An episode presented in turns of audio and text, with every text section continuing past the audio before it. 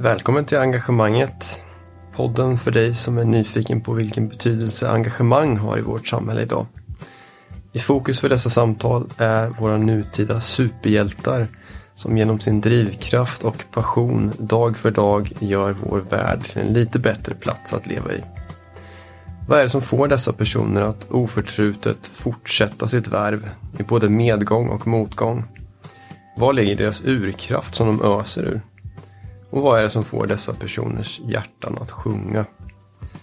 Jag som pratar nu heter Tom Rodro och är värden för dessa samtal som jag hoppas ska ge mig och er insikter i hur och varför engagemang uppstår, växer och lever vidare.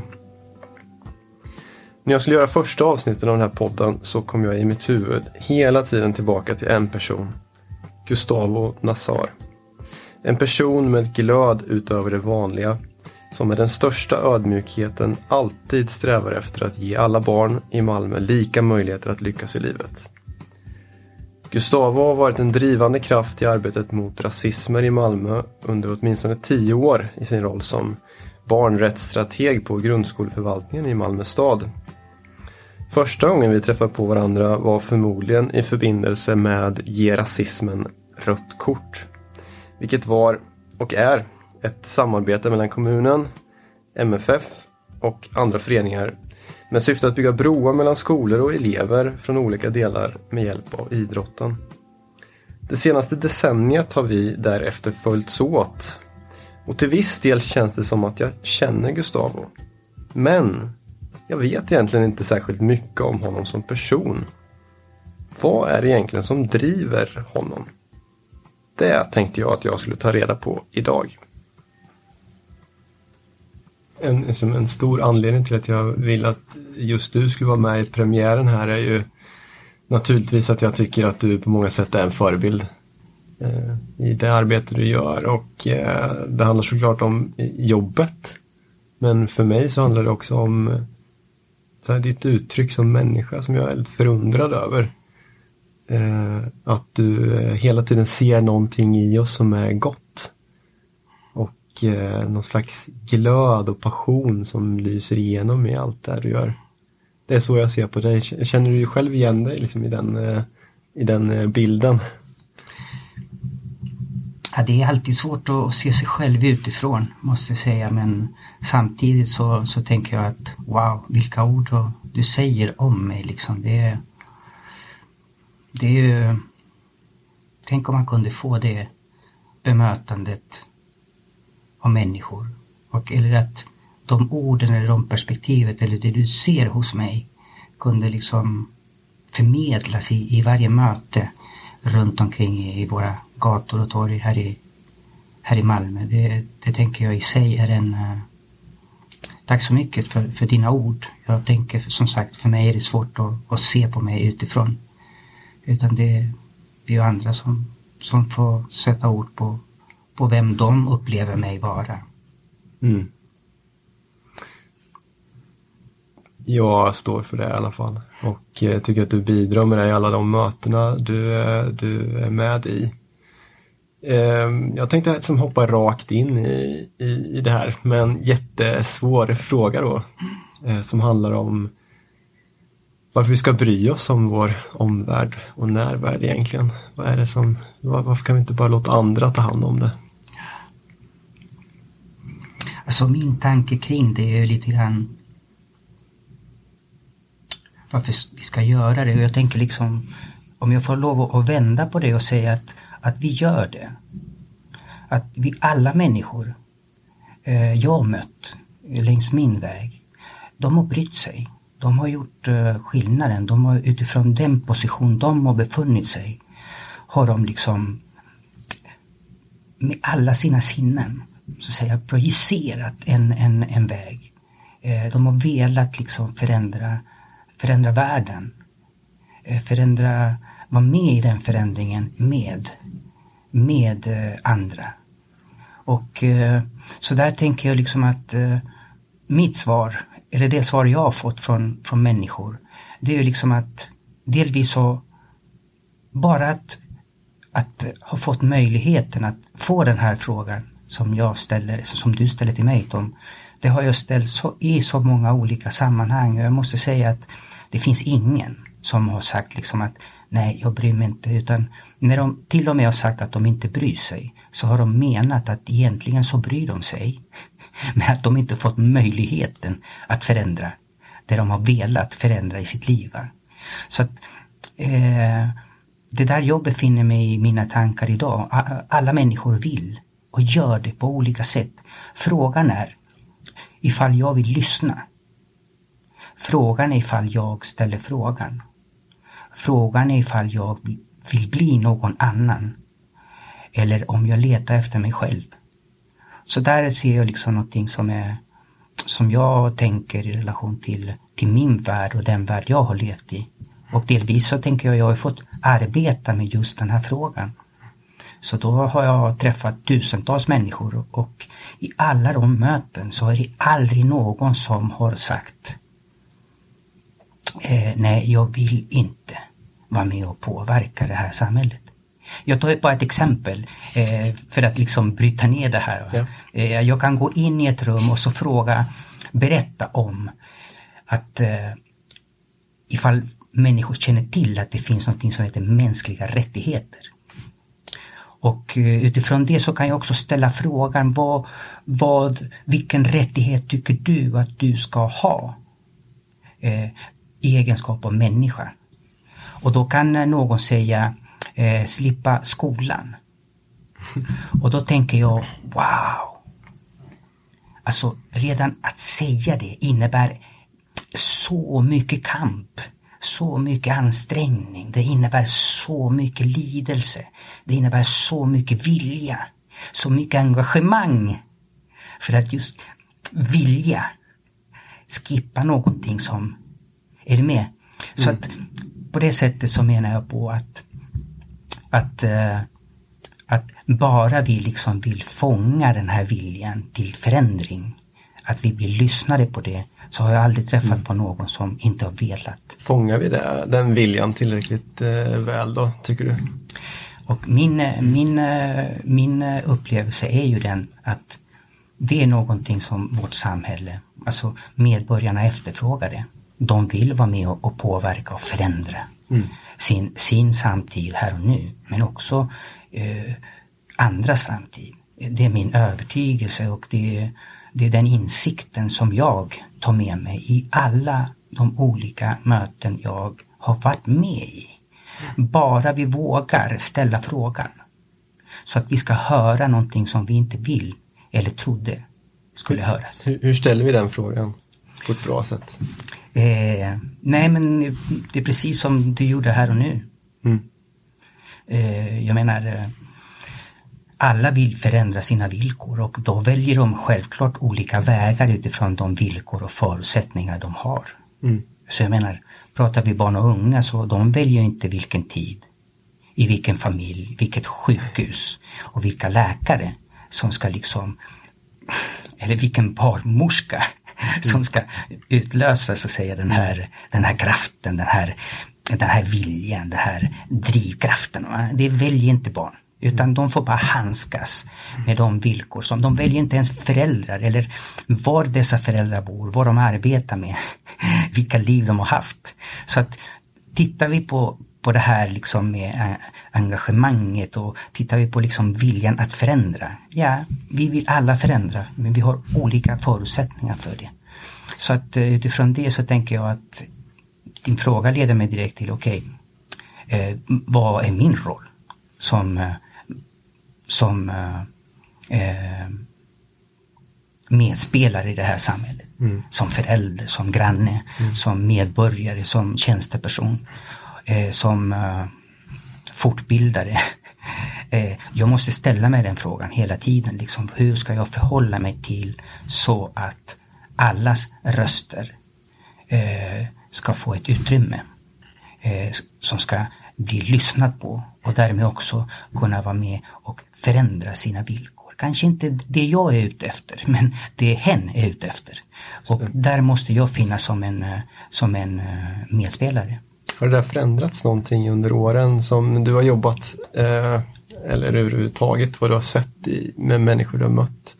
Har engagemanget och viljan att engagera sig förändrats på något sätt? Jag tänker liksom att eh, nej, utan den finns där, den lever i, våra städer, i olika rum, bussen, torget, eh, överallt ser jag liksom det finns ett, ett enormt engagemang. Mm. Mm. Mm. Eh, ett enormt engagemang för, för det som händer här och nu. Mm. Och det finns mycket tankar och reflektioner. Det finns mycket olika synsätt som, som, uh, som, uh, som finns där och uh, det krävs då att det är någon som vill lyssna på det, tänker jag. Och då tänker jag på samma sätt där, liksom att, att förändring kan utgå ifrån en utveckling av det goda. Men förändring kan också utgå ifrån en frustration. Eh, och då måste vi kunna förhålla oss till de här olika människorna och, och de här olika positioner de oftast har i samhället. Så att om du frågar mig över tid så har min roll liksom på något sätt som, som eh, Alltså både som, som vän och som förälder och, och som eh, medborgare så har det varit väldigt mycket att försöka förstå. Eh, lyssna. Inte varken fördöma eller bedöma utan försöka själv att, eh, att bli till genom de här olika berättelserna.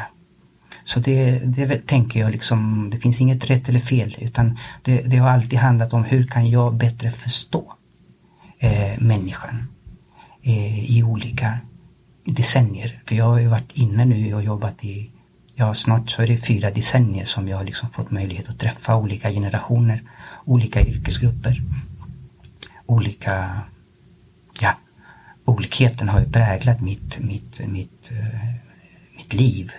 Eh, och jag har försökt att, att, ta in det för att bli en del utav den olikheten också. Så att den ska förändra mig också. Eh, och då innebär det ju också att jag kan uppleva att jag har så att säga många liv e- eller att jag har många olika eh, jag har, mitt bagage är fyllt av så många berättelser. Så att det har ju präglat mig i mitt, eh, i mitt eh, blivande. Du jobbar ju med unga personer eh, primärt ju. Och då måste jag ju bara fråga dig, alltså det, det man hör ganska ofta är ju att eh, unga bryr sig inte längre. Du hör, det, du hör det i media på olika sätt, du läser i tidningen och ja, så vidare. Och, vad, vad, tänker du om det när du, när du hör det? Nej men jag tänker det visar på egentligen, det visar liksom en, var vi befinner oss i, i samhället idag. Jag tänker de här stora berättelserna om äldre, om vuxna, om kvinnor, om invandrare, om Alltså det finns berättelser där som är på ett påtagligt sätt så att säga omänskliggörande och, och uh, stigmatiserande. Och de här berättelserna formuleras utifrån positioner som är så långt ifrån så att säga människan. Eh, den, de är så långt ifrån människan. Eh, från de äldre, från, från kvinnor, från hbtq-personer, från, från barn. Eh, det är människor som är på något sätt har fastnat så att säga i en, i en, i en berättelse eller en teori eller en, en, en beskrivning mm. av verkligheten som, som uh, omänskliggör. Ja. Uh, och den berättelsen lever vi och, och växer upp i. Det finns berättelser om stadsdelar också. Så att vi förstår att alla de här diskurserna och alla de här berättelserna om den andre, eh, det är bara ideologi. För så fort du möter den specifika människan så förstår du att den här berättelsen är helt och hållet frikopplad från, från, från den specifika människan. Så att jag ser sådana risker och sådana tendenser ser jag liksom andrifieringsprocesser är någonting som drabbar eh, medborgarna och de, de delar på, på, på eh, förutsättningar, eh, villkor och därmed också bilden av den andra. Mm. Så att det här hänger ihop. Va? Ja. Så att det, det, skulle jag vilja säga att den som uttalar den, den, den, det, det uttalet eller som försöker att, att på något sätt formulera den verkligheten och sätta in grupper av människor utifrån ett omänskliggörande perspektiv. Det, det är just de människorna och just de strukturerna som jag arbetar med för att uh, dekonstruera Jag tror mm. att vi, bef vi befinner oss i en tid där vi behöver kategorisering är en del utav, uh, utav vår samtid. Vi måste arbeta väldigt mycket med att dekonstruera. Precis det du gör med mig här och nu. Jag får möjlighet helt enkelt att själv säga vem jag är eh, mm. eller vem jag håller på att bli. Och inte berättelsen om Gustav. Mm. För det är två helt skilda saker. Jag tänker på det här med, med just med unga så har det inte alltid varit så också. Att alla generationer som man sagt så att eh, nej, unga bryr sig inte längre, de engagerar sig inte. Precis. Men samma... där kan man ju se att unga fortfarande och kanske ännu mer engagerar sig i sitt samhälle idag. Precis. Mm. Jag är helt med dig. Och det är samma sak har man ju sagt om andra grupper. Ja. Vi har sagt det om, eh, om, eh, om romer, vi har sagt det om hbtq-personer, homosexuella. Vi har sagt det om kvinnor. Alltså jag menar, går vi tillbaka i 50, 60, vi fyller nu precis 100 år i Sverige idag av eh, demokratins så att säga eh, utveckling och eh, kvinnan fick ju en, en röst och fick själv definiera så att säga vem hon var, är eller vill bli. Men innan det så har vi, och de här normerna lever ju kvar i samhället. För vi måste alltid hitta någon annan så säga att demonisera eh, utesluta eh, och därmed också omänskliggöra. Mm. Jag tänkte att vi skulle komma tillbaka till det sen också på ett annat, med en annan vinkel ja, kanske. Just. Men jag tänkte bara hoppa lite här då. Eh, för de som inte känner dig och, och det ska jag säga, det är ju ganska många som känner dig i, i Malmö skulle jag säga. Mm. Eh, någonting av en lokal kändis i, i vissa anseenden tycker jag. Och en mästare på att bygga nätverk. Och det där tänkte jag att jag ville höra lite med, med dig vad det betyder att eh, bygga relationer för att mobilisera för någonting. Har du några funderingar på det? Nej men eh, i mitt sammanhang så säger jag så jag får ju liksom, det här blir ju efterkonstruktionen någonstans eller jag försöker då genom att du ställer de här frågorna så, så upptäcker jag mig själv liksom, eller hur, som, som människa. Och vad mina tankar är och vad, vad egentligen skulle kunna tänka. Eh, man ser dialogen som ett sätt liksom att bli till som, som eh, en person, en människa, ett subjekt. Så tänker jag att jag har ju fått på något sätt, jag fick ju eh, när jag väl började arbeta, jag, jag började ju arbeta 86 i Lund. Eh, och eh, eh, mitt arbete där var ju väldigt mycket fokus på, på un, unga och det var ungdomskultur. För det, det är därifrån jag kommer så att säga. Jag är sociolog, jag är mm, kultursociolog så att mitt arbete har ju varit väldigt mycket att liksom förstå relationen mellan samhället och olika ungdomsgrupper och, eller olika un, ungdomskulturella uttryck. Så att eh, från den tiden tills idag så har jag liksom eh, hamnat i olika roller, positioner där, där eh, uppdraget var, har varit liksom att, eh, att samla människor Eh, att samla människor utifrån vissa specifika frågeställningar. På 80-90-talet så handlade det om ungdomskultur. Sen kom det att handla om eh, det mångkulturella samhället som var på tapeten. Det skulle, skulle vi ha ett mångkulturellt eller skulle vi inte ha ett mångkulturellt samhälle? Eh, sen efter det så var det frågor kopplade till, eh, till värdegrunden i skolan.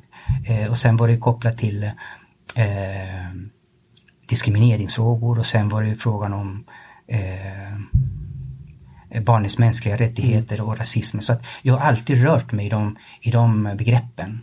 Ja, men du, det, jag tror att jag är ute efter det här. Alltså det finns ju olika sätt att vara tjänsteperson på i en offentlig organisation. Mm. Om man hårdrar det lite så det ena sättet är ju kanske att sitta bakom ett skrivbord och eh, skriva beslutsunderlag, policydokument eh, och göra utredningar och så vidare. Mm. Och inget fel med det, men du har ju varit kanske så som jag ser det i alla fall på den andra änden i att du bygger relationer, inte bara internt men eh, även med andra utanför eh, kommunen. kommunen. Mm. Mm-hmm. Ja, alltså, det har ju man kan, väl, man, kan väl, man kan väl säga som så att jag har alltid fått arbeta med, eh, inom förvaltning eller utanför förvaltning så har jag alltid fått arbeta med de som på ett eller annat sätt är eller har varit ifrågasatta i samhället. Mm. Eh, ungdomar, eh, ifrågasättandet av det mångkulturella samhället och vad det skulle då kunna innebära i människors kroppar och tankar. Eh, också i relation till mänskliga du ser, alla de här frågorna egentligen relaterar till en relation mellan norm och avvikare. Och väldigt tydligt så var det ju under 90-talet, framförallt 90-talet och 2000-talet, så plötsligt så stod ju våra förvaltningar inför, inför nya politiska direktiv. Helt och hållet. Å ena sidan skulle vi bli, vi skulle anpassa oss till det mångkulturella samhället. Mm. Och samtidigt så skulle ungdomspolitiken som tidigare var sektorsinriktad, alltså till fritid, fri, är du med, utanför förvaltningarna, så skulle våra förvaltningar också arbeta utifrån barnets och ungdomsperspektivet. Bägge de här två olika direktiven kommer 1997. Är du med? Mm. Så att det innebär plötsligt att, att jag, då blir jag aktuell i, i frågan därför att man anställer mig för att jag kommer från ett mångkulturellt sammanhang. Mm. Okay? Och ser annorlunda ut. Mm. Och man har liksom någon sorts förståelse att jag, är, jag förstår de andra. Mm. Är du med mig? Mm. Samtidigt som våra organisationer var ju fortfarande väldigt vita. Eh, och de levde ungefär i samma, eh, under, under samma socioekonomiska villkor och kulturella så att säga, ramar så fick jag så att säga på något sätt representera det mångkulturella och därmed också föra en dialog med det mångkulturella. Och på samma sätt föra en dialog med ungdomarna. Är du med mig? Hur känns det där egentligen då? Måste jag fråga dig. Nej men så här över tid så tänker jag liksom att det, det är ingenting man reflekterar så mycket just då. Nej. Är du med mig? Men eh, på något sätt så, om nu tanken var att våra förvaltningar skulle förändras, mm. eller hur? Eh, så att vi skulle ha en större representation. Ja. Som en demokratisk, så att säga, eh, myndighet. Eh, apropå det du nämnde tidigare, när jag blev tjänsteperson så, så började jag tänka, okay, men tjänsteperson, vad fan är det för något? Alltså vad, vad gör en tjänsteperson? Så då började jag leta lite grann i den filosofiska diskussionen och så hittade jag, jag minns inte vad han heter nu, men det var någon uh, professor här som statsvetare som formulerade just det, demokratins väktare. Henrik eh, någonting Precis. från Lunds eh, universitet. Precis. Jag kommer inte ihåg vad han heter. Ja. Så jag tog mig an där och tänkte, wow, där hittade jag det. Det är det jag ska arbeta med. Jag ska liksom, jag ska vara en demokratins väktare. Mm. Så att, eh, är du med? Det var ett begrepp jag mm. tänkte liksom som jag skulle ta in här nu som ny eh, tjänsteperson då, i en miljö där ingen som helst liksom hade överhuvudtaget eh, en, eh, någon sorts reflektion över det. Va? Mm. Alltså förvaltningen, den förvaltar. Och att förvalta det är att reproducera. Mm. Det är min förståelse av det. Och så länge vi har den insikten så måste jag som, som tjänsteperson också gå in i rollen och reproducera. Mm. Men detta kunde inte jag göra därför att jag hade, en, jag hade levt andra liv. Men du jobbar ju i ett system på något sätt ja. Precis. Och, och det, där, det där får man ju förhålla sig till. På ett eller annat sätt så får man förhålla sig till det här systemet. Och det, och det har jag gjort. Mm. det har jag gjort. Grejen är den va, att det här systemet bygger ju på en mängd olika begrepp. Mm. Och de här begreppen kan du förstå på så många olika sätt. Förstår du? Bara ett begrepp som demokrati. Mm. Är du med? Alltså, det finns hundra olika tals eh, sätt att förstå begreppet demokrati. Men då måste du veta också det. Mm. Du måste veta att det här demokrati, det är liksom ingen sån där liksom, det är ingen kub. Det är ingen kub liksom, det, det är inte mugg. Utan demokrati, det är någonting som förändras och utvecklas hela tiden. Och jag måste vara med och utveckla det. Sen att förvaltningen inte hänger med. Jag måste ju hela tiden argumentera för det jag gör. Och då måste jag kunna förändra inifrån. Nu kommer jag på vad han heter förresten. Lennart Lundqvist. Stämmer. I förhållande till att vara i ett system då, så, så får man ju på något sätt, jag får intrycket av att du eh, bara fortsätter dag efter dag mm. på något sätt så. Men eh, du, du, måste ju ha mött en hel del motstånd i, i det du gör. Även om du har ett uppdrag mm. i en förvaltning i Malmö stad. Mm. så är det ju inte så att du inte har varit ifrågasatt, tänker jag. Eller har jag fel? Man kan säga så, man kan säga så här att om demokratins uppdrag delvis bygger på mänskliga rättigheter. Eh, för det är inte alla som får ihop det utan andra, vissa tycker att det är två skilda saker.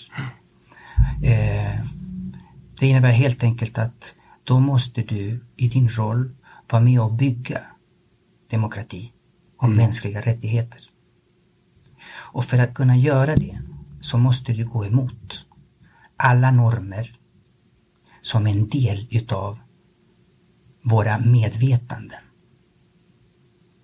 Eh, och det innebär i sin tur att detta kopplas direkt till rutiner. Mm. Det kopplas direkt till uppdrag. Det kopplas direkt till vad du får göra och inte göra. Så att på det sättet så kan jag säga att det har varit 22 eh, år har jag varit inne i, i Malmö och eh, jag är väl glad för det att det här, det här arbetet för min del har inte varit eh, en dans på rosor. Utan eh, i alla olika rum jag har varit en del av så har frågan om att utmana historiska strukturer varit, eh, varit eh, uh, mödosamt. Det kan man väl lätt säga. Inte minst en av de stora uppdragen vi hade det var ju liksom implementera genuspedagogiken då på gymnasieskolorna i, i början av 2000-talet. Och eh, vi hade inte pratat om det tidigare. Vi hade pratat om kön. Men vi hade inte pratat om genus. För så fort vi börjar prata om genus så börjar vi prata om makt. Och så fort vi börjar prata om makt så börjar vi prata om relationer. Och då börjar vi prata om ordningar. Och eh, där var det ju enormt kraft, kraftfullt för mig för att eh, ofta så var det ju kvinnor som själva identifierade sig som kvinnor som förstod vilken kraft det här. Eh, det här kunde ju påverka deras liv. Men eh, det fanns en enorm motkraft. Ja. Eh, av andra intressen som inte ville släppa igenom de här begreppen och de här perspektiven och därmed också den kraft eh, och möjligheten att eh, mänskliggöras som, som, som kvinna. Vad är det som gör att du orkar då? då? I de sammanhangen, att du orkar fortsätta på något sätt? För det har du ju ändå gjort. Nej men eh, jag har väl orkat det därför att eh, som jag sa till dig tidigare så för mig, för mig finns det ju en klar övertygelse här. Att folk vill förändra sina villkor. Mm. Så att eh, min roll har varit liksom att och gå in och, och ta och, och ta så att säga motkraften eller, eller den för, Alltså någon måste gå i spetsen för att utmana normer. Ja. Så är det eh, det föregivna, tagna. Eh, alltså, det här sitter ju i människors kroppar. Och eh, det gäller liksom att gå in och eh, inta en ny position.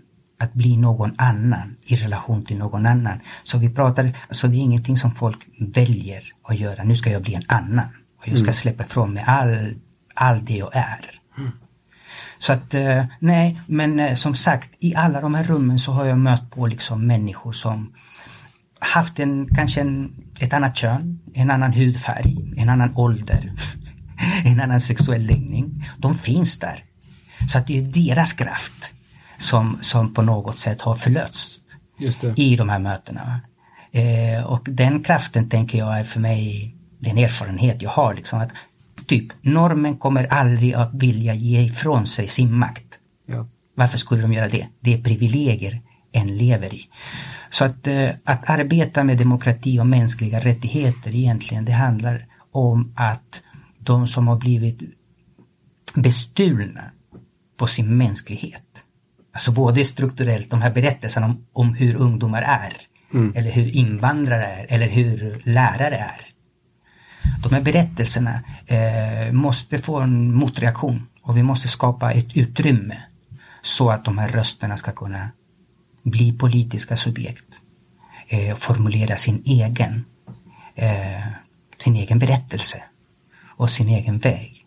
Så att eh, för mig har det varit enormt eh, ansträngande, det kan, det kan jag väl säga, men gud så lärorikt.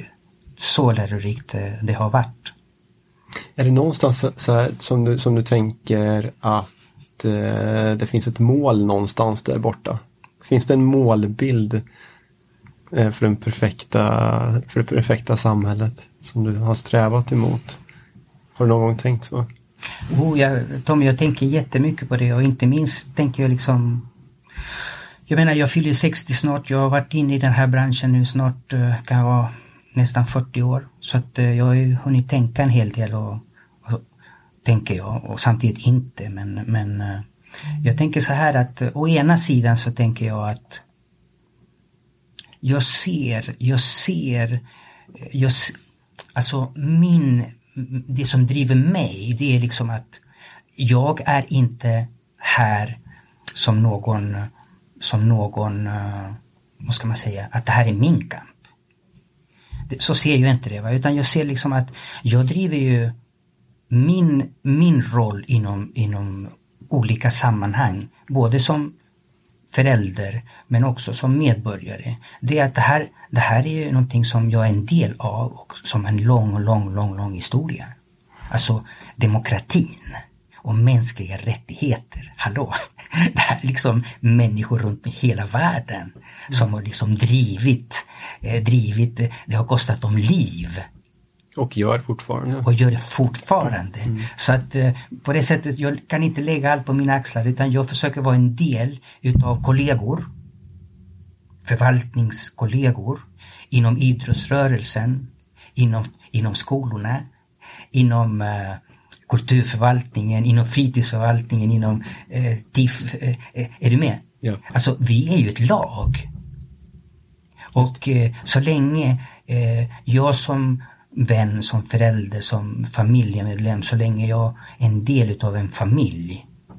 Eh, en familj, nu förstår vad jag menar. Där vi tillsammans kan bidra med vårt lilla. Så, så hittar man själv sin roll i den här historiska kampen för, för alla människors lika värde. Förstår du vad jag menar? Ja. Och eh, när det gäller nätverkstänket som du ställde tidigare jag menar, vi finns överallt här i Malmö, vi finns överallt här i Sverige, internationellt. Så att de lokala frågorna, de är globala och tvärtom.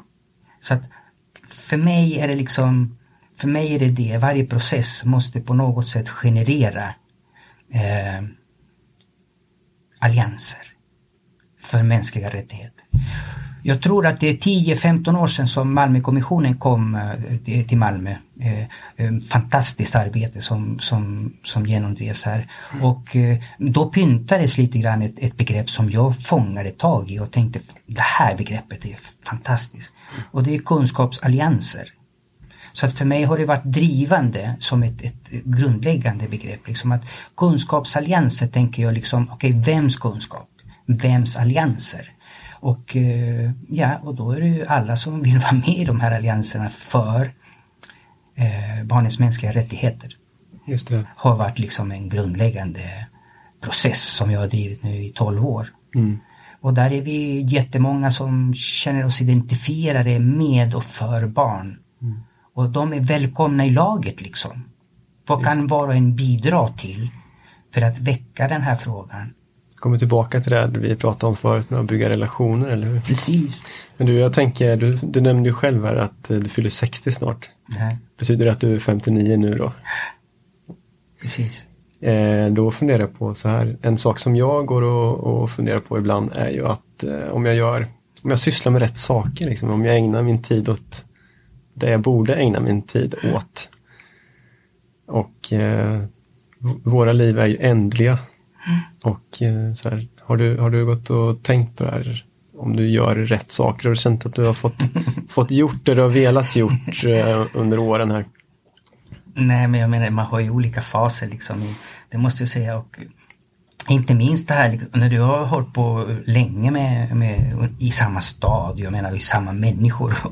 Och, så, så att säga, du är en del av, av någonting men om man ska lära sig, jag har försökt att lära mig och de här lärdomarna, det, de, det är ingenting som man kan söka efter utan de kommer till dig.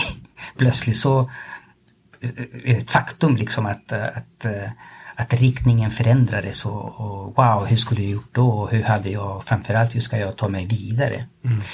Någonting som jag alltid haft med mig att det här, jag ska vidare. Vad betyder det? Jag ska vidare, jag tänker bara att eh, demokratin och mänskliga rättigheter den, den har sina utmaningar. Och den ska det ha. jag menar, eh, det, det, det, måste ha det. Så på något, på något sätt så har jag försökt att, se det liksom som en, uh, som en process där jag är, är en del av. Som är betydligt större än mig.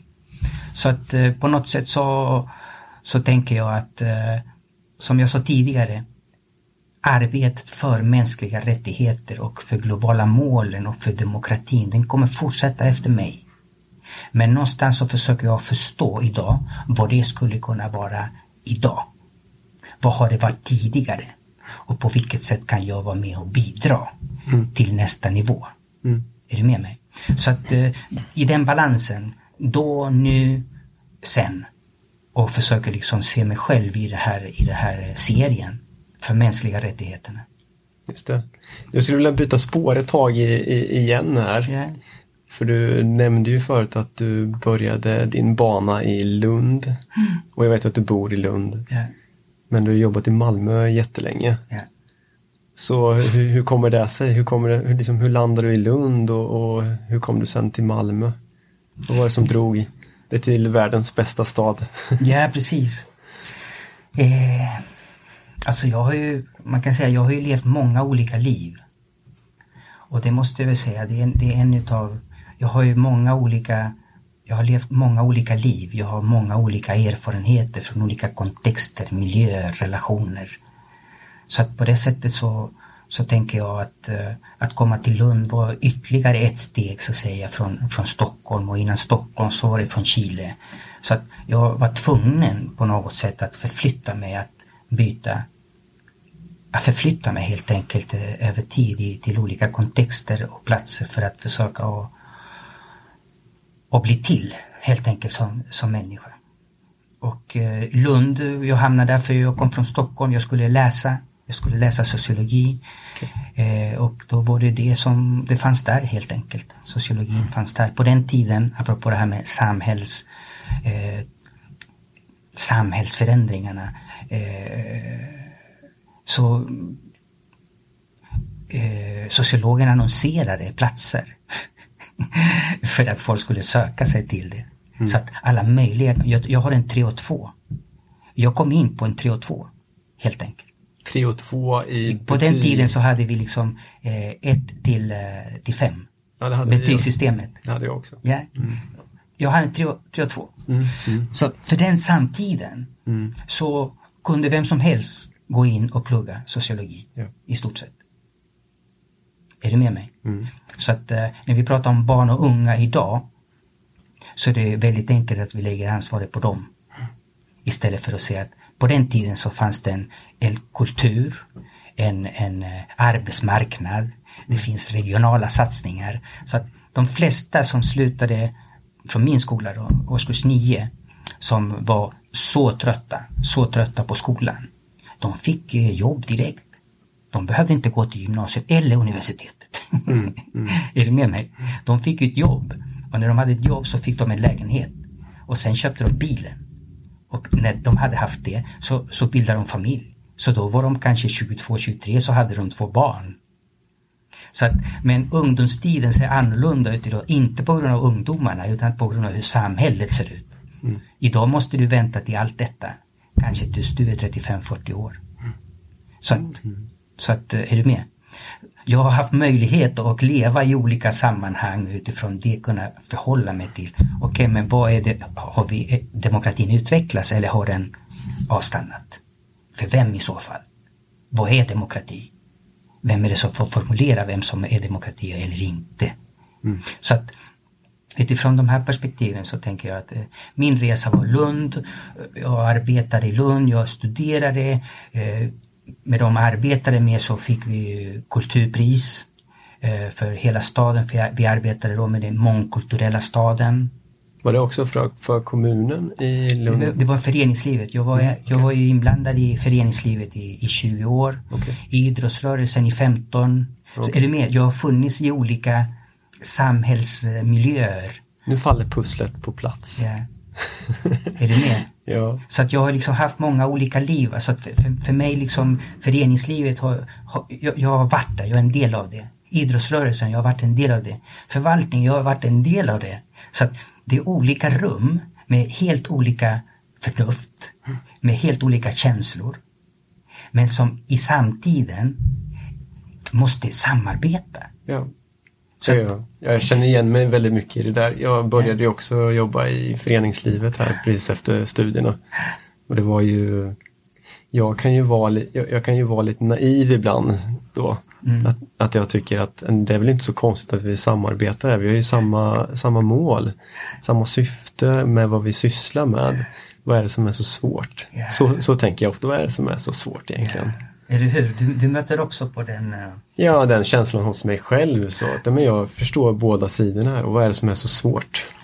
Varför kan vi inte bara eh, komma överens och jobba vidare? Precis.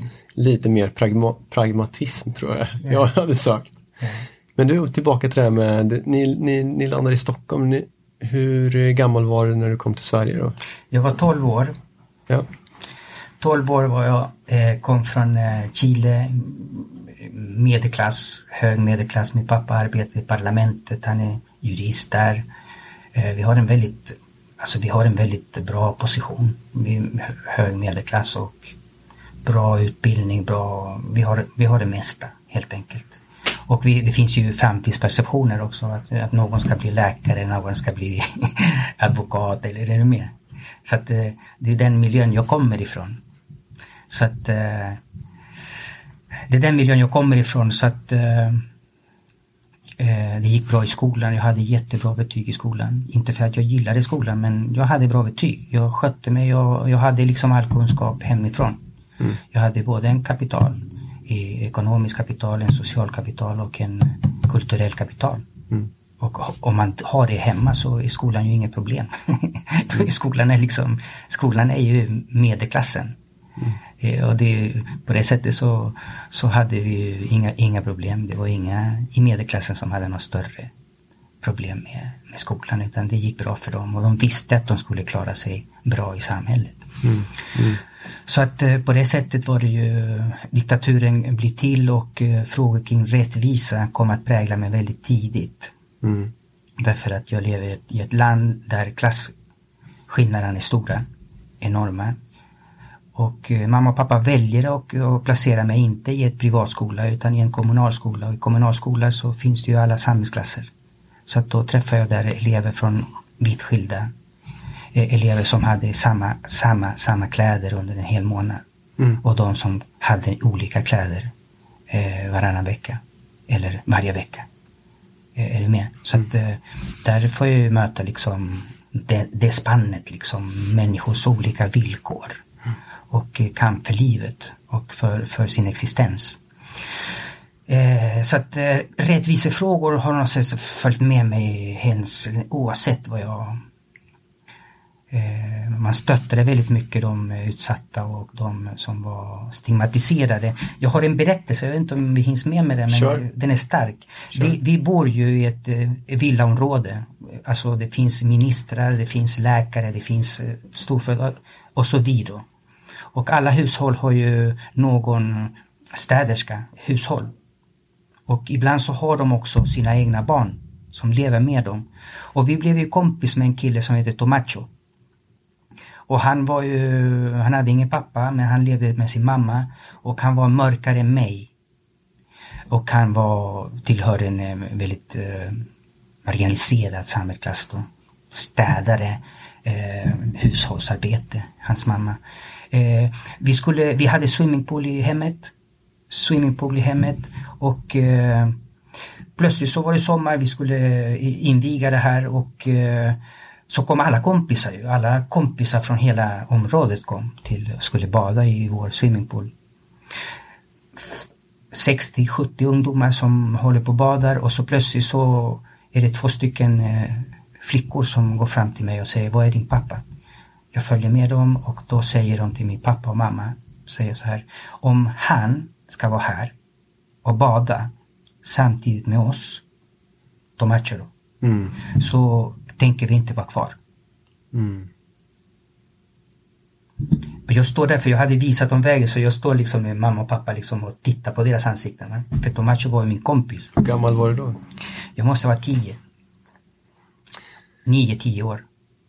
Och eh, då säger min pappa till eh, flickorna, säger att okej mina damer, ni, ni vet var dörren är.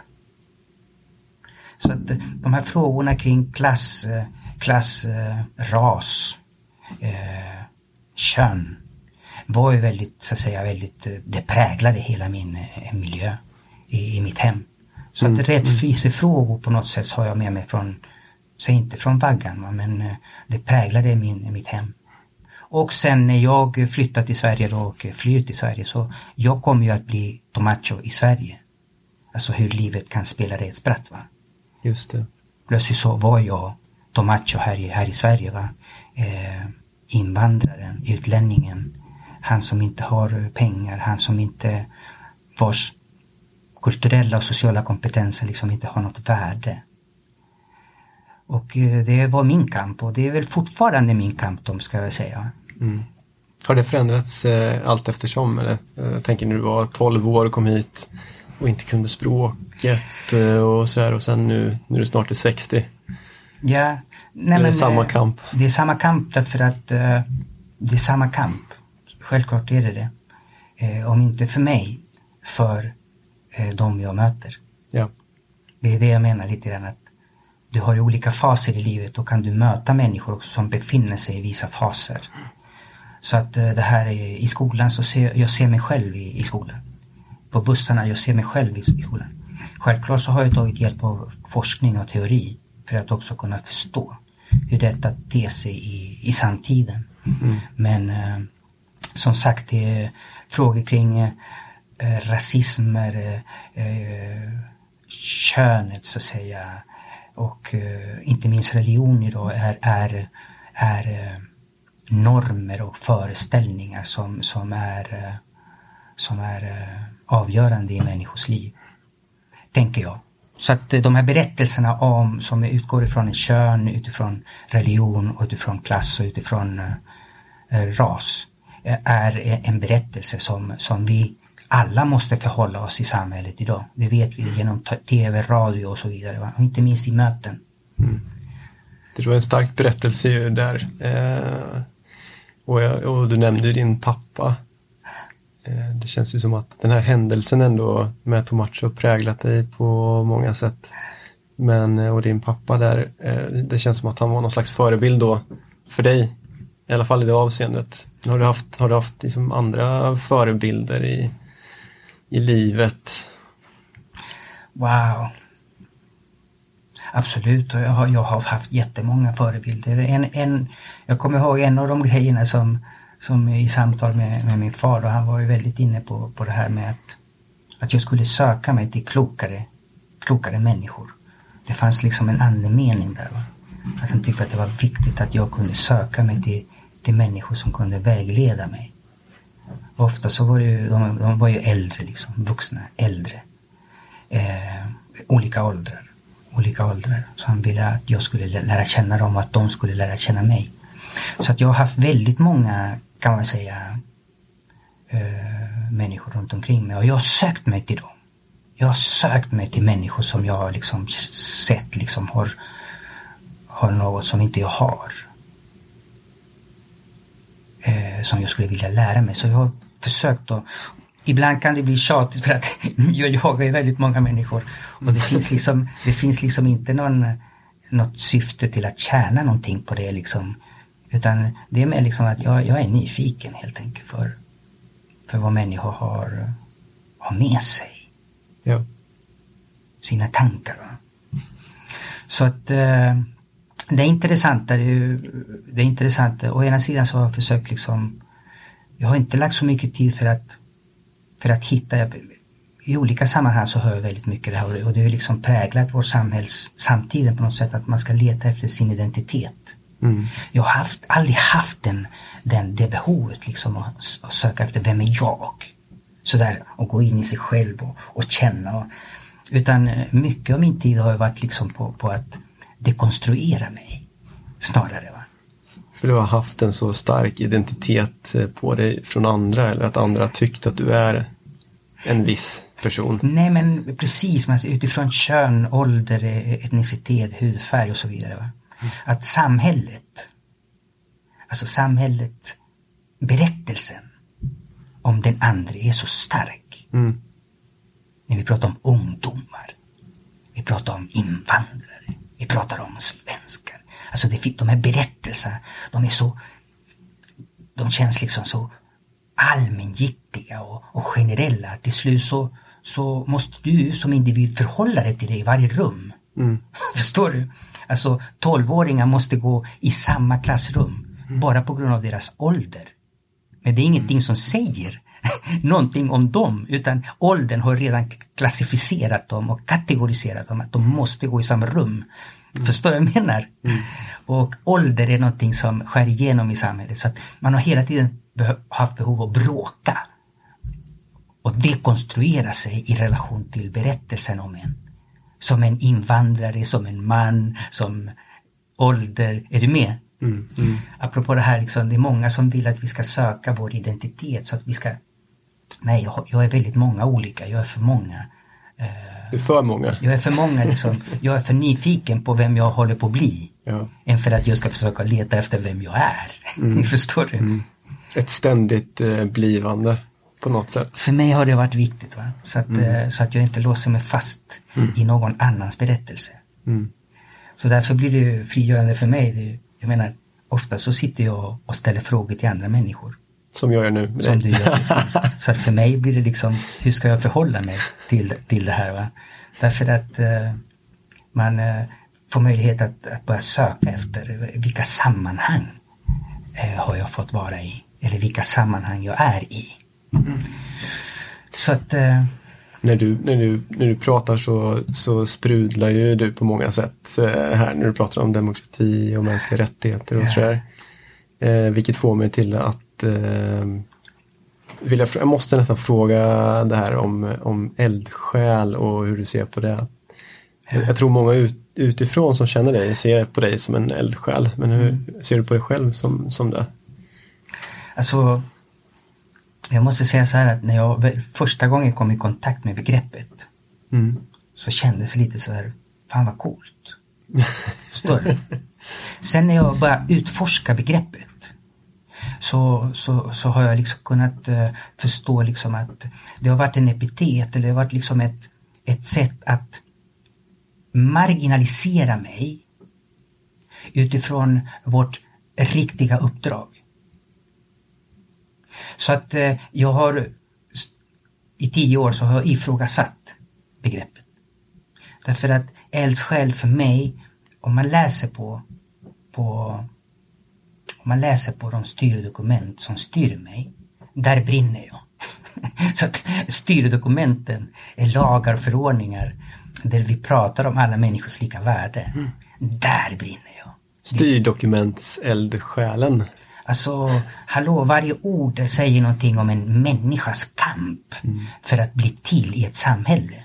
Så att, men tyvärr så har jag mött liksom på strukturer och organisationer där känslor, passion, Mm. Eh, kärlek. Det är inga begrepp som vi kan hantera. Det, är liksom, det ligger helt utanför. Vi har ju delat liksom förnuft och känsla. Vi har vi delat liksom hjärna och hjärta. Eh, och så fort vi gör det så börjar vi omänskliggöra vårt uppdrag. Alltså vi börjar, vi börjar omänskliggöra medborgarna. Jag ville fråga det här om eldsjäl för jag tror att ganska många tänker eldsjäl och engagemang. Det är lite synonymt med varandra. Det hänger ihop på något sätt. Men eh, jag vet också att många andra jag pratar med som har ett samhällsengagemang vänder sig mot det begreppet. Yeah. På, på, på, utifrån olika perspektiv yeah. tänker jag. Och sen är det väl att ja, men eldsjäl, det finns en, en annan sida av den saken också som jag ville, ville fråga dig om. Yeah. Det, Det, det handlar ju om att eldsjälar ofta eh, brinner så mycket så de brinner ut eh, på något sätt till slut. Eh, och vi pratar om att eh, utbrändhet helt enkelt. Så, och det, jag vet att du har varit drabbad själv eh, kring det där. Ja. Eh, hur ser du på den perioden nu? Och hur, har det förändrat dig efter att du kom tillbaka nu? Ja, absolut. Det måste jag väl säga. Att eh, det, det, har, det har ju förändrat mig på ett påtagligt sätt. Tom, det måste jag säga. Eh, för att eh, jag tänker så här att eh, det jag väl eh, insåg att det var något fel som inte riktigt stämde.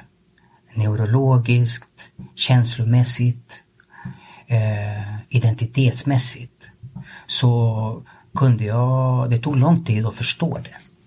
Jag menar, när jag säger det så kanske det, det, det pågick kanske i 6, 7, 8 år. Ja, ja.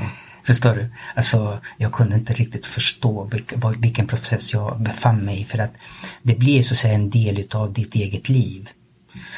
Och det som blir en del av ditt eget liv det är ju det, är ju det att eh, det, att du tar in hela världen och alla de problem och bekymmer och utmaningar som du står inför i mötet med andra människor som kanske har det som kanske verkligen håller på att kämpa för sin överlevnad. Så som tjänsteperson då i de här mötena som jag, eller som demokratins, svär, eh, demokratins väktare, så kunde jag känna att mina känslor och upplevelser i alla de här mötena, det var ingenting som jag hade någon plats att förhålla mig till och reflektera kring. Därför att ofta så finns det inte det internt i vårt arbete, i våra, i våra mallar. Att förhålla sig till en smärta, en lidelse, en längtan som kan finnas hos eh, de människor vi arbetar med. Så att det, det innebär att då, då måste du härbärgera detta själv. Eller hur? Jag tänker 2015 så tänker jag liksom då hade vi plötsligt eh, vi stod inför att i mitt arbete inom skolan så skulle jag träffa jättemånga barn eh, och unga som hade flytt helvetet. Och de hade kommit till Sverige med sina berättelser. Och jag skulle lyssna på det och ta del av det och så skulle jag samtidigt göra någonting med det. Och på något sätt så, så, så, så kände jag att det, det fanns liksom ingen eh, det fanns liksom ingen, ingenstans att, att, att ta vägen eh, med det, alltså härbärgera detta. Är du med? Varken som person, individ eller som tjänsteperson. Och på något, på något sätt så tänker jag att det, här, det här händer någonting med mig där jag tappar balansen helt enkelt. Och måste, måste ta avstånd från allt och alla. Mm. För att kunna läka. Ja, det är inte så att du är ensam eh, om det här i, i Sverige idag.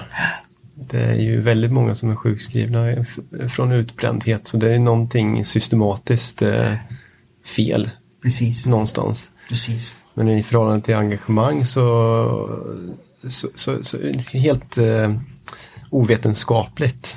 Skulle jag säga att det, det hänger ju någonstans ihop där. Att man, man vill förändra någonting så himla mycket så att Mm. man till slut, som du säger, man tar in alla problem och gör dem till sina egna eh, någonstans. Precis, det blir ett brus.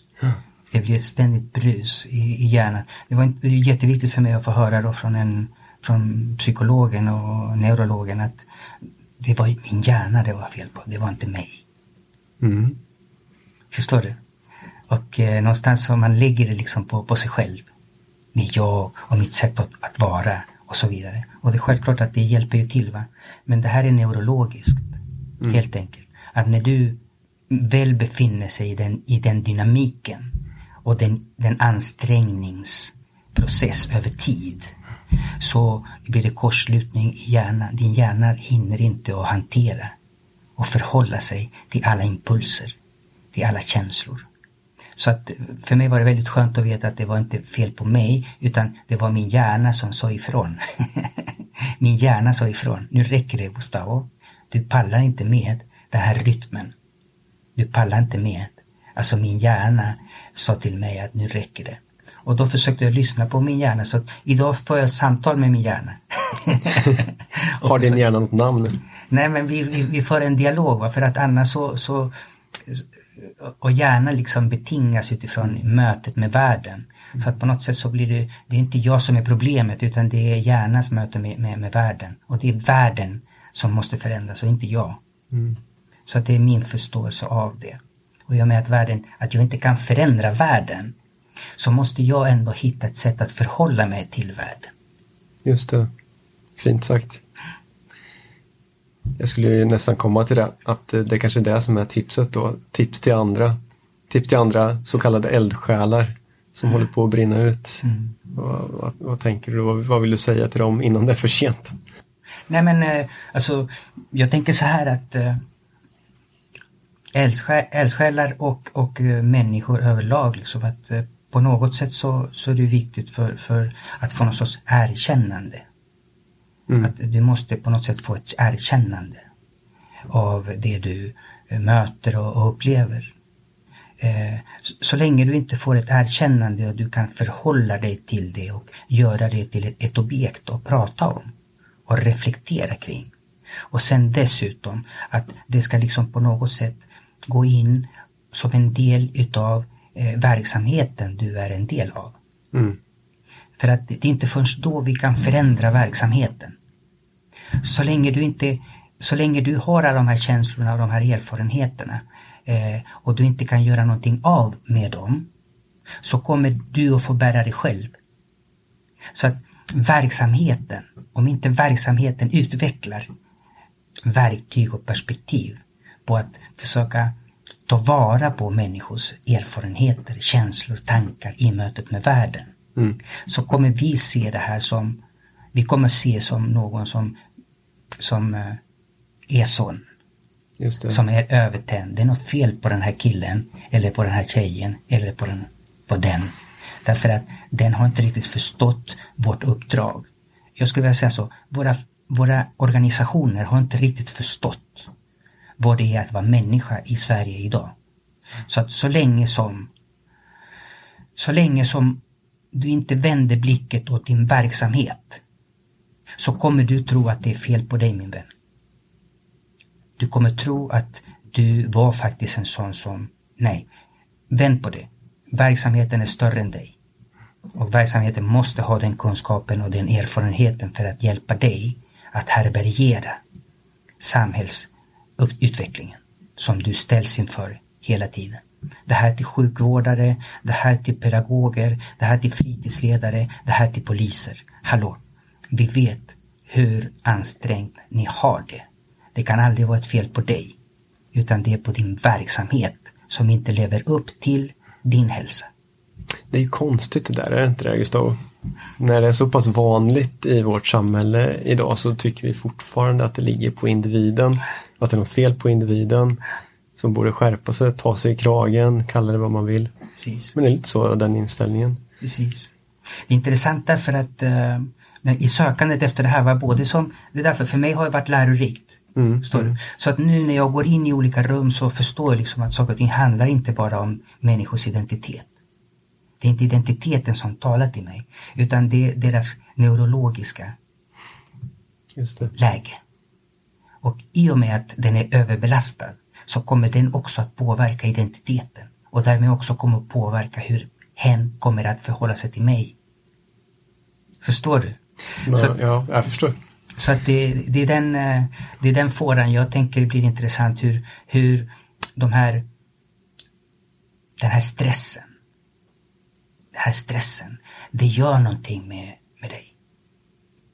Det gör någonting med dig och eh, kan vi inte sätta ord på var den här stressen kommer ifrån så kommer det alltid vara du som får bära på ansvaret. Mm. Så att eh, intressant samtid vi lever i. Eh, eh, Jonna Bonnemark, en filosof, hon har ju skrivit om det och en fantastisk bok som, som heter, eh, som heter eh, gud nu minns jag inte, men i alla fall lite grann så, så, så är det frågan om hur vi förhåller oss till jag har inte namnet just nu tyvärr. Men eh, som just pratar om de här fenomenen va? Som, som strukturella fenomen. Helt enkelt. Mm. Och eh, därmed också föreslår att vi måste, liksom börja, vi måste börja mänskliggöra igen i den här hierarkiska eh, hierarkiska världen där känslor och erfarenhet inte får plats. Eh, vi måste på något sätt eh, tänka om så att människors känslor och tankar på något sätt ska eh, inkluderas i utvecklingen av organisationer, av staden, av eh, olika miljöer. Mm. Hur, eh, nu när du kom tillbaka från din sjukskrivning så då, då sa du det, men det har ändå förändrat dig på något sätt. Ja. Har du själv känt att du, för, för egentligen så beskriver du en ny superkraft som du har. I och med de här insikterna som du nu, nu säger att du kan, du kan förstå hur andra människor reagerar eftersom att det är någonstans eh, det sker någonting i deras hjärnor. Precis. Och där kan du förhålla dig till och du kan förhålla dig till på ett nytt sätt. Kanske. Nej men där tänker jag liksom representation, vi går till, till den frågan. Va? Jag tänker för, mm. för mig representation liksom det, det handlar om upplevelser, det handlar om känslor. Det handlar om förnimmelser. Det handlar om väldigt kvalitativa aspekter av ens liv. Och jag hade ju aldrig varit med i just den specifika situationen. Utan jag har ju blivit drabbad på grund av klass, på grund av kön, på grund av etnicitet, på grund av hudfärg. Så att det har varit en ständig kamp för mig eh, genom mitt liv. Att, att, att kämpa för att bryta föreställningen om mig. Och den i sig, den kampen har ju också gjort att jag har kunnat identifiera mig med olika grupper. Är du med? Jag kan inte representera dem men jag har kunnat identifiera dig med människor som på något sätt liksom har marginaliserats eller stigmatiserats eller omänskliggjorts. Gjorts. Så där, den erfarenheten har jag. Men just den här specifika erfarenheten att brytas ner helt och hållet som människa i ett väldigt, en väldigt extrem extrem det, det på något sätt, det, det, det, har hjälpt mig liksom att bättre förstå möjligtvis andra människor. Så att säga, det är en annan nivå av att vara människa. Ja. Eh, som människor lever under i Sverige idag. Alltså den förståelse, jag får en insikt om, vänta Gustav, det här, det, här är, det här är en viktig kunskap. Jag måste ha med mig i mina fortsatta möten. Så att det har hjälpt mig också att se mig själv utifrån, vilket är väldigt, är väldigt svårt. Men jag var tvungen att göra Gustavo till ett objekt och reflektera kring honom i sina olika sammanhang. Mm. För att där också kunna komma tillbaka och fortsätta att bidra på det unika sätt jag kan nu. För det är inte samma som för 10 eller 20 eller 30 år sedan. Mm. Utan det här smällen har också gett mig möjligheten att hitta mig här och nu. Inte i egenskap av någon sorts, liksom hitta någon sorts essens i mig eller någon sorts identitet. Utan att det ger mig en möjlighet att reflektera över vad har jag för utmaningar och vilka utmaningar kan jag prioritera nu? Jag kan sortera. Mm. Och jag tror eh, reflektion överhuvudtaget, va? eller filosof filosoferandet, alltså det här liksom utforskandet av sanningen. Om man säger liksom att filosofi genom historien har varit så att säga ett, ett, annat sätt att tänka än det förgivettagna. Utan de här filosoferna har kommit liksom och vridit och vänt på saker och ting. Så, så menar jag på att eh, just reflektionen och samtalet ger oss möjligheten att skapa en känsla av sammanhang. Alltså en sorts begriplighet, meningsfullhet och där vi också att vi ska kunna hantera det. Men för det krävs att vi sitter ner och reflekterar, mm. samtalar, tar vara på våra känslor, försöker förstå våra känslor, våra tankar eh, hos varandra. Hos varandra. Där tänker jag att där kan man hitta liksom någon sorts det blir ett mänskliggörande eh, drag i hur vi tillsammans skapar så att säga, en relation. Men också ett samhälle. Mm. Och där kan vi förändra den. Va? Så att jag tänker att eh, saker och ting hänger ihop. Liksom. En röd tråd i, i mitt liv har just varit det, liksom, skapa, skapa nya förståelser. Och det är svårt att, att skapa nya förståelser. Därför vi är så inne i att skapa mig själv. Just det. Alltså vi lever i en samtid där vi, vi tvingas att vi tvingas att säga vilka vi är. Istället för att ställa frågan, "Vil- vem skulle du vilja bli? Mm. Utan vi är ute och sätter varandra i hörn. Och där blir det också en konkurrenssituation mellan människor. Vem, vilken är den bästa identiteten? Eller vem har mest makt? Eller hur ska jag förhålla mig till det? Och det ser jag i olika rum tyvärr på gott och ont. Jag ser liksom den här konkurrensen. Över ja. identiteten. Min identitet och din identitet. Och, Okej, men vad, hur, hur kan, vad har vi gemensamt där? Och hur kan vi förhålla oss till de här olika maktrelationerna? Och Men, men, men när jag hör dig prata så är det lite grann som att, och, och efter att ha sett eh, Matrix, har du sett den filmen? Ja, Den kommer utifrån, eh, eh, eh, han, han tar antingen det blåa eller det röda pillret. Men det pillret han tar och ser han verkligheten. Det du pratar om nu är ju att se hur, hur saker och ting förhåller sig i, ja.